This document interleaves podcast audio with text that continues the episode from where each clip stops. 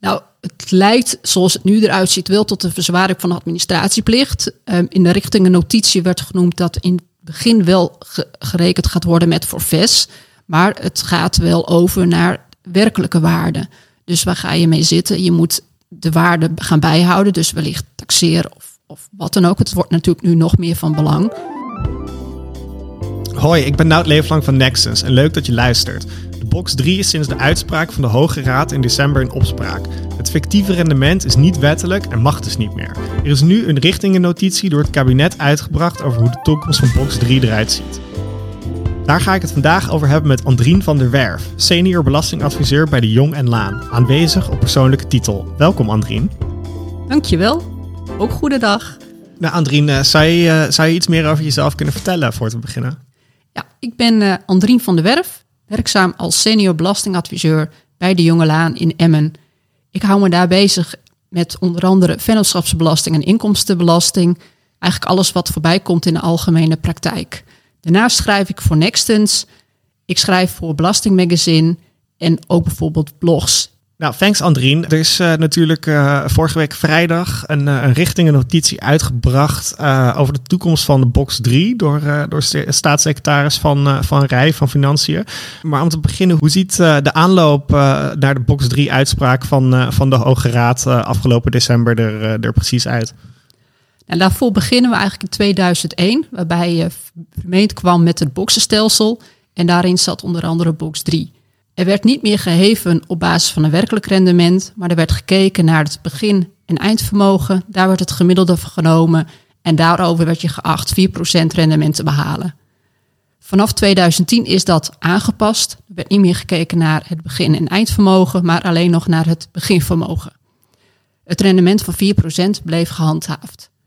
Vervolgens is in 2017 is er weer een wijziging geweest. Er werd nog steeds uitgegaan fictieve rendementen. Tot en met 2016 was het rendement onafhankelijk van de omvang en samenstelling van het vermogen. Vanaf 2017 is dat aangepast. Er werd gekeken naar de omvang, dus hoe hoog is je vermogen. En op basis daarvan werd er een fictief mandje gemaakt van wat deel sparen is en deel beleggingen. En hoe hoger je vermogen was, hoe hoger het rendement ook was.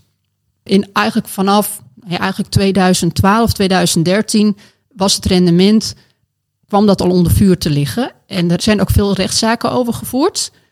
Eh, waarbij de Hoge Raad wel heeft gezegd van ja, eigenlijk kan het niet. Maar de wetgever heeft daarbij ook vrijheid om daarvan af te wijken.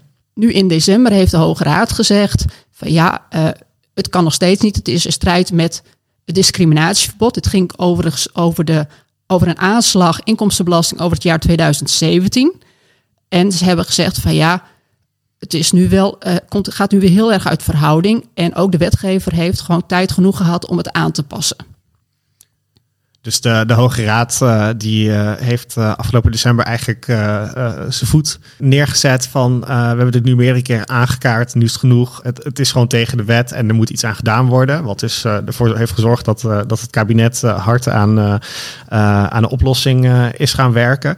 Maar de kern van het probleem is eigenlijk de overheid gaat uit dat jij 4% rendement pakt op, op, op jouw spaargeld en beleggingen. En dan vooral als het over spaargeld hebben, dan dus gewoon geld dat je op de bank hebt staan op spaarrekening. Daar pakt eigenlijk niemand tegenwoordig meer, meer 4% op. Sterker nog, vaak moet je, moet je, moet je bijbetalen tegen, uh, met, uh, met negatieve rente. En dat is eigenlijk de kern van het probleem waardoor het ook uh, onwettelijk verklaard is. Nou, het is vanaf 2017 voor de mensen met lage vermogens is het al geen 4% mee. Het is al lager. Alleen er wordt nog steeds geacht dat je een deel belegt. En over beleggingen haal je een hoger rendement dan over sparen.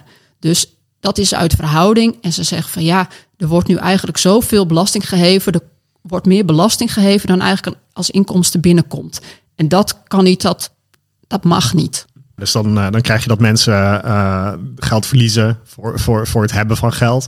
En dus zeker niet die, uh, die 4% rendement weten te pakken. Tenminste in, in, in sommige situaties. Want volgens mij als je het allemaal belegt, dan kom je redelijk boven de 4% uit. Dus ja, die mensen zijn, uh, zijn niet heel zielig. Nou, staatssecretaris Van Rij is, is op 15 april met een, met een richtingennotitie gekomen. Daar staan eigenlijk twee opties in voor compensatie voor de mensen die sinds 2017 onterecht box 3 belastingen hebben betaald. Wat, wat zijn die twee, twee opties? Nou, er zijn twee varianten. Dat is de spaarvariant en de forfaitaire variant. De spaarvariant houdt in het spaargeld wordt belast op basis van een actuele spaarrente van nou ja, 0%. De schulden op basis van die gemiddelde hypotheekrente. En voor de beleggingen worden gekeken naar een meerjarig gemiddeld rendement. Dus er wordt nog steeds niet gekeken naar een daadwerkelijk rendement, maar er wordt meer aangesloten met een rendement dat past bij het vermogensbestanddeel dat je in box 3 hebt. Het tweede variant is de forfaitaire rendement.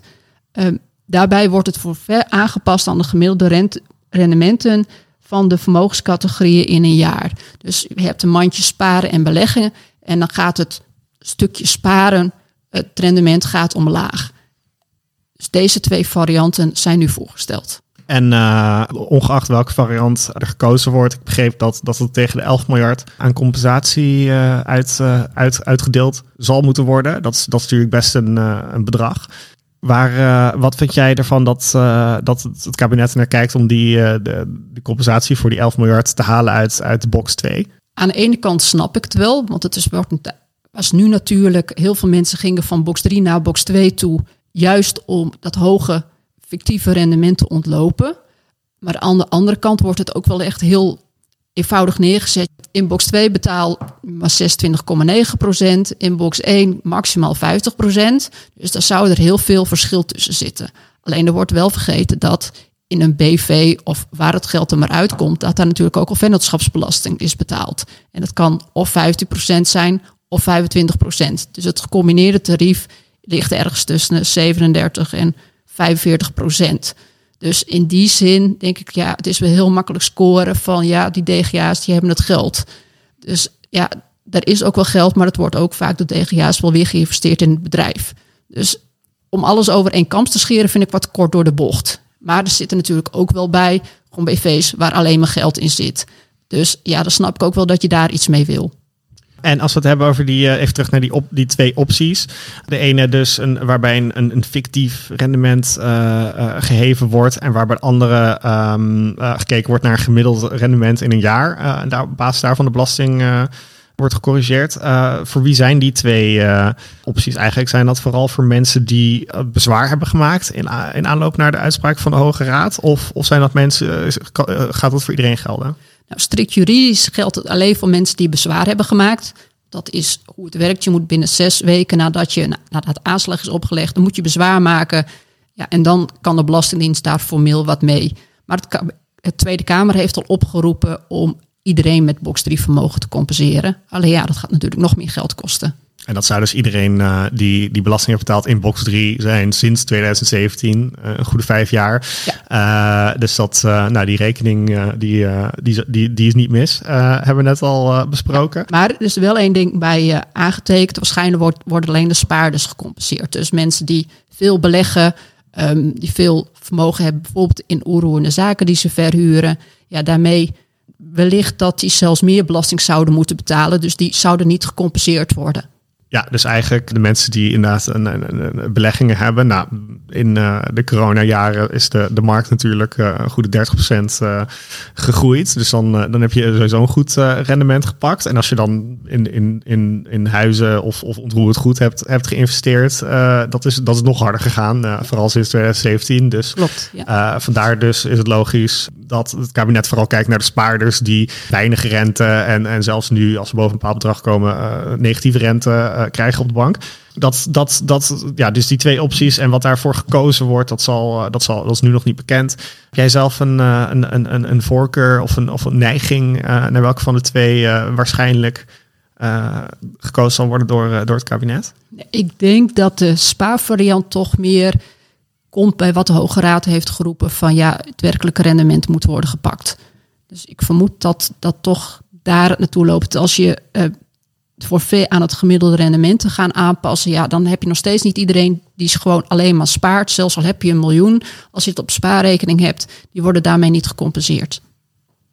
Oké, dus optie 1 uh, die vooral gericht is op spaarders, waar, uh, waar de mensen inderdaad die uh, goederen of beleggingen hebben, die, die, die, die krijgen geen compensatie. Want nou ja, zoals we net besproken hebben, die waarschijnlijk toch al wel, als het een beetje goed hebben gedaan, winst op, hun, op hun belegging. maar de mensen inderdaad met spaargeld op de bank boven de, de 50k of de 100k is het dit jaar tenminste en, en vorig jaar nog minder, dan ja, die, die zullen wel iets van een compensatie kunnen verwachten. En dan is het nog de vraag of dat iedereen die bezwaar uh, gemaakt heeft, of dat, dat de, de, de mensen in, uh, in de Tweede Kamer die zeggen van uh, iedereen moet, moet gecompenseerd worden, of dat, of dat het wordt. Heb je enig idee wanneer we weten of, of het voor iedereen. Nou, het zou volgens mij voor 15 augustus of half augustus zou, de, zou er iets moeten zijn. alleen de vraag is of ze dat gaan halen. Want het schijnt toch heel bewerkelijk te zijn om te komen met een goed uitgewerkt plan. Ehm, maar ja, formeel moeten ze binnen een half jaar nadat de, de Hoge Raad uh, arrest heeft gewezen, moeten ze uh, ja, toch die compensatie hebben geregeld. En uh, de mensen die, die bezwaar hebben gemaakt, die misschien het gevoel hebben of niet eens zijn met, met een van deze twee opties.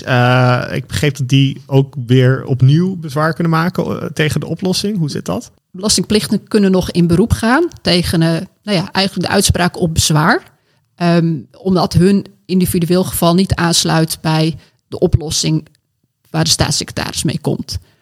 Um, dit geldt natuurlijk voor uh, de aanslagen die al zijn opgelegd en waar bezwaar is gemaakt. Maar ja, over 2022, 23 en 24 zullen soortgelijke aanslagen worden opgelegd. Dus wellicht dat daarover ook nog weer procedures gevolgd kunnen worden. Dus ja, we zijn denk ik nog niet af uh, helemaal van, uh, van al deze, van deze jurisprudentie.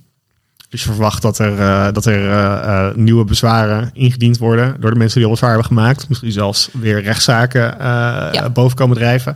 Um, ja, dat zou natuurlijk betekenen dat het nog een, nog een lang staartje krijgt. Ja, dat zou, het zou kunnen. En natuurlijk, um, wat nu ook nog het geval is, op dit moment worden geen aanslagen opgelegd. Um, dus dat is ook nog wel een dingetje. Want mensen die best nog wel in box 1 of box 2 nog belasting moeten betalen, die zit nog met belastingrente die nog doorloopt. Dus ook de vraag van wat gaat daarmee gebeuren. Dus uh, het advies is van ja, verwacht je een, een hoog aans, hogere aanslag, afgezien van box 3, vraag alvast de voorlopige aanslag aan, zodat die belastingrente niet doorloopt. Um, nou, dat is, dat, dat, dat is dus nog even afwachten tot, uh, tot augustus. Um, als, als we kijken naar de toekomst van, uh, van de box, box 3, um, ehm, wat, ja, wat, kunnen we, wat kunnen we dan eigenlijk verwachten? Nou, er is aangegeven dat uh, voor 2023 en 2024 dat er een spoedwetgeving komt. En daarbij wordt eigenlijk aangesloten bij de variant die is gekozen. Dus de spaarvariant of de forfaitaire variant. Want het lukt gewoon niet om echt al op basis van werkelijk rendement te gaan heffen. Vanaf 2025, dat was ook al eerder aangekondigd, willen ze, wil de staatssecretaris komen met een, een uh, belasting op basis van het werkelijk rendement. En hij heeft ook al aangegeven waar hij aan zit te denken. Um, dat zijn eigenlijk uh, een, een, jaarlijkse belasting over de reguliere inkomsten. Dus dat kan uh, rente zijn, dividend, huur, pacht, minus de kosten.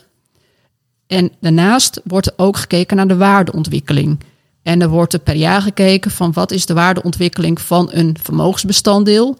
Ongeacht of je die waardeontwikkeling daadwerkelijk hebt genoten, wordt daar belasting over geheven. Dus dat wordt uh, de vermogensaanwasbelasting uh, wordt dat genoemd. Um, nou, uh, goed dat je uh, de vermogensaanwasbelasting uh, noemt. ik heb namelijk een vraag hierover van, van Ronald Coot. en Ronald Coot werkt bij de fiscale redactie van Nextens. Hij is, is een, een echte Nexpert.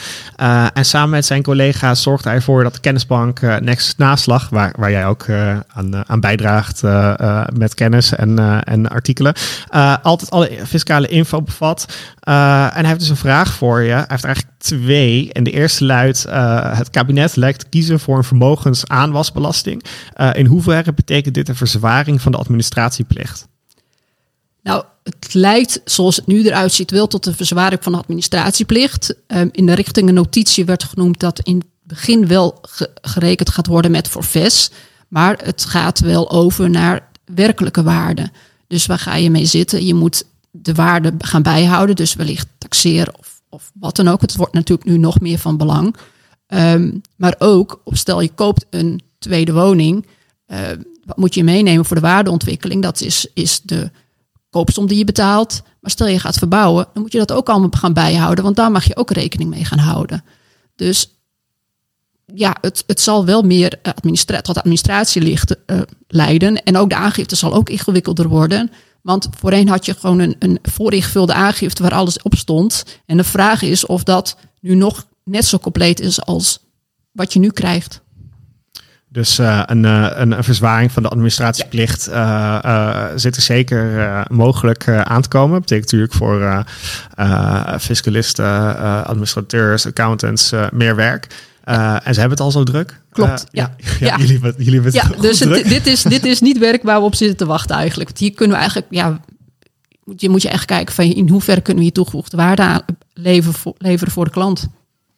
Ja, en um, zie, zie jij een andere uh, weg die het, die het kabinet zou kunnen nemen, waar, waarbij die administratie, uh, uh, die, die verzwaring van administratieplicht enigszins klein gehouden wordt? Ja, ik vermoed dat je dat toch blijft houden op het moment dat je wilt gaan heffen over reguliere inkomsten. Dus dan blijf je eraan vastzitten. Dus dat was juist de reden dat ze box 3 hadden ingevoerd. Dus dat forfaitaire rendement, dat was juist om die administratie te verlichten. Dus ja, ik weet het niet. En er zullen ook wel weer regels komen om uh, antimisbruik te voorkomen. Want dan ga je ook weer zitten, er wordt, gaan weer, gaan weer uh, bedacht worden, hey, wat gaan we met die waarden doen? Um, kun, je, kun je daar nog mee spelen? Uh, dus stel je hebt een huurder in een woning, ja, dan mag je nu al rekening houden met een leegwaarderatio. Dus het houdt in dat de waarde wordt lager. Dus daar kun je mee spelen door op die manier een verlies te gaan creëren. Ja, dan kun je toch, ja, de vraag is of, of daar ook regels voorkomen hoe je daarmee om moet gaan. Het, het, het klinkt alsof uh, het, uh, het ingewikkelde belastingstelsel uh, nog iets ingewikkelder gaat worden. Ja. met met zwaardere administratieplichten. Je noemde net iemand met een huis. en dan, dat brengt ook naar vraag 2 van, van Ronald. Ronald vraagt zich namelijk af in hoeverre kan de aanslag tot de liquiditeitsproblemen leiden bij de belastingplichtige als deze louter vaste activa, bijvoorbeeld onroerende zaken heeft. Ja, ik denk dat dat wel uh, tot problemen kan leiden.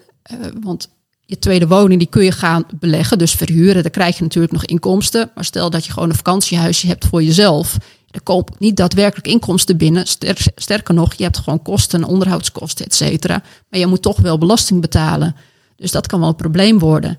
Ook mensen met een minderheidsbelang in een BV. Ja, dat was al een beetje zo van ja eh, stel dat die waarde gigantisch stijgt, ja, dan moet je wel al belasting betalen over een waardeontwikkeling die je niet realiseert. En waarbij ook nog de vraag is of je die überhaupt krijgt en wanneer. Dus dan uh, eigenlijk betaal je dan belasting over uh, hoeveel je, je tweede woning bijvoorbeeld meer waard is geworden. Maar je verkoopt die woning natuurlijk nog niet. Dus je betaalt eigenlijk belasting over, over een winst die nog niet gerealiseerd is. En ik, ik, neem aan bij, bij uh, als je belegt in, in aandelen of iets dergelijks, kun je natuurlijk in, in, een soortgelijke situatie zitten. Dat oké, je hebt 20% winst op je, op je belegging uh, gepakt. Daar moet je dan, je moet over die 20% belasting betalen. Maar je hebt dat geld niet, want dat zit in een belegging. Ja. Uh, dus dan moet je of een deel van je beleggingen verkopen.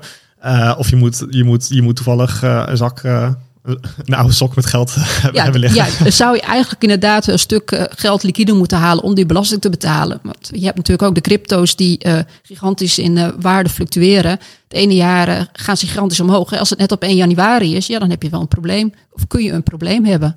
Want ja, op papier ben je gigantisch rijk. Maar ja, de dag daarna kan er een, een tweetje komen waardoor de waarde weer keldert. Ja, dan ja. ben je het kwijt. En je kunt pas eventueel het verlies het jaar daarna pakken. Want dan ga je weer per 1 januari de waarde uh, bekijken. Dus dan kan de waardeontwikkeling negatief zijn en dan maak je een verlies. Dus dat, uh, dat is zeker een van, uh, van de risico's van, uh, van deze nieuwe regeling. Dus dat mensen in liquiditeitsproblemen kunnen komen. omdat ze een, een, een, een, een rendement, een winst hebben gemaakt. maar de belasting daarover niet, ja. niet liquide middelen hebben om dat af te, af te dragen. zijn er nog meer risico's die jij ziet in deze nieuwe regeling? Behalve dus de, de administratie, verzwaarde administratieplicht en, en het mogelijke liquiditeitsprobleem? Ja, de vraag is in hoeverre zo'n vermogensaanwasbelasting, hoe ver, verre dat mag. Want je hebt eigenlijk weer een fictieve rendement. Je hebt in de winst natuurlijk niet voor niks dat je pas winst, belasting over de winst betaalt als je die gerealiseerd hebt. Dus ja, waarom sluit je dan niet aan bij in de vermogensbelasting? En ja, de, de, belast, of de De staatssecretaris heeft gezegd van ja, we willen niet een daadwerkelijke vermogensbelasting hebben. Dus niet de daadwerkelijke waardeontwikkeling nemen, omdat je dan een uitstel van belasting kunt krijgen. Maar ja, eigenlijk is het wel wat eerlijker, want dan weet je precies wat voor winst of je verlies je maakt op een vermogensbestanddeel.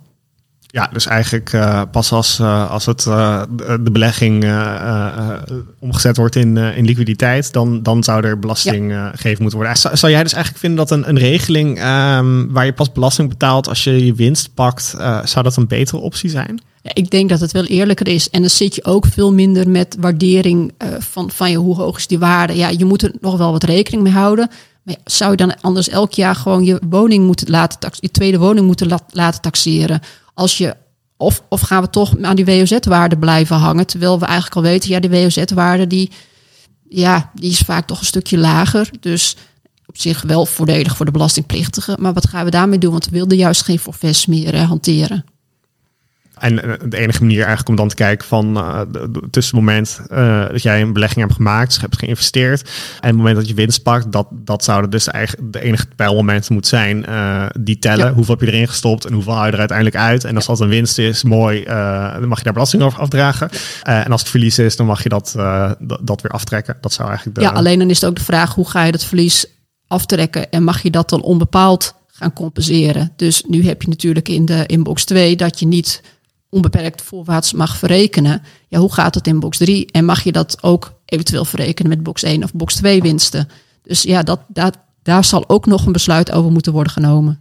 Ik zag laatst een uh, aflevering van uh, uh, Lubachs televisieserie. En daar had hij het over dat mensen over een tweede huis die huur innen, die, die betalen geen belasting over de huur als ik de, de toekomstige situatie uh, van, uh, van, van uh, die het kabinet geschetst heeft voor 2025 zie, daar staat in dat er jaarlijks belasting geheven wordt over reguliere inkomsten zoals rente, dividend en huur, minus de kosten. Kunnen we er dan van uitgaan dat mensen met een tweede woning die hem verhuren mogelijk ook een, een, een, een, moeten afdragen, of in ieder geval iets van belasting moeten betalen over, over de huur? Nou ja, op zich mensen met de tweede woning betaalden natuurlijk al belasting over, want het werd gewoon voor meegenomen. Maar vanaf nou ja, 2025 zou inderdaad de reguliere huur worden meegenomen. En daar ook de, nou ja, de kosten daarvan af natuurlijk wel. Maar ja, het, het wordt wel in die zin eerlijker. Ja, en dat is misschien ook uh, omdat uh, er, er, natuurlijk een aantal partijen zijn die heel veel uh, tweede, derde, vierde, vijfde tot de 450ste woning hebben die ze verhuren. En dit zou eigenlijk ook een oplossing zijn om misschien meer van die woningen op de, op de markt te krijgen. Ja. of in ieder geval belasting te heffen over, over de huur die, die daar geïnd wordt. Zie je verder nog, nog voordelen aan, aan de toekomstige regeling? Ja, ik denk dat het gewoon met, met een, als je over het, over het daadwerkelijk rendement gaat he heffen, um, denk dat het wel eerlijker wordt. Nu is het natuurlijk wel zo dat mensen die weinig rendement halen, ja, die worden nu te veel belast en die worden eigenlijk ook gedwongen om te gaan beleggen om gewoon het rendement te halen wat, er, wat ze geacht worden te halen. Dus ja, die zin denk ik dat het wel wat, wat eerlijker wordt. Maar het hangt natuurlijk ook nog vanaf wat voor belastingtarief wordt geheven. Dus daar is nog niks over bekend. Blijft dat die 30, 31 procent? Um, of wordt dat ook anders? En is het tarief over uh, de reguliere inkomsten even hoog als over de waardestijging? Dus ja, daar is ook nog niks over bekend. Ik, uh, uh, als ik het zo hoor, dan, dan zou er eigenlijk een soort progressief belastingstelsel moet komen voor de box 3 van nou ja, tot uh, een betaald, bepaald bedrag, uh, zoals nu heffingsvrij misschien, want iedereen moet toch een potje hebben.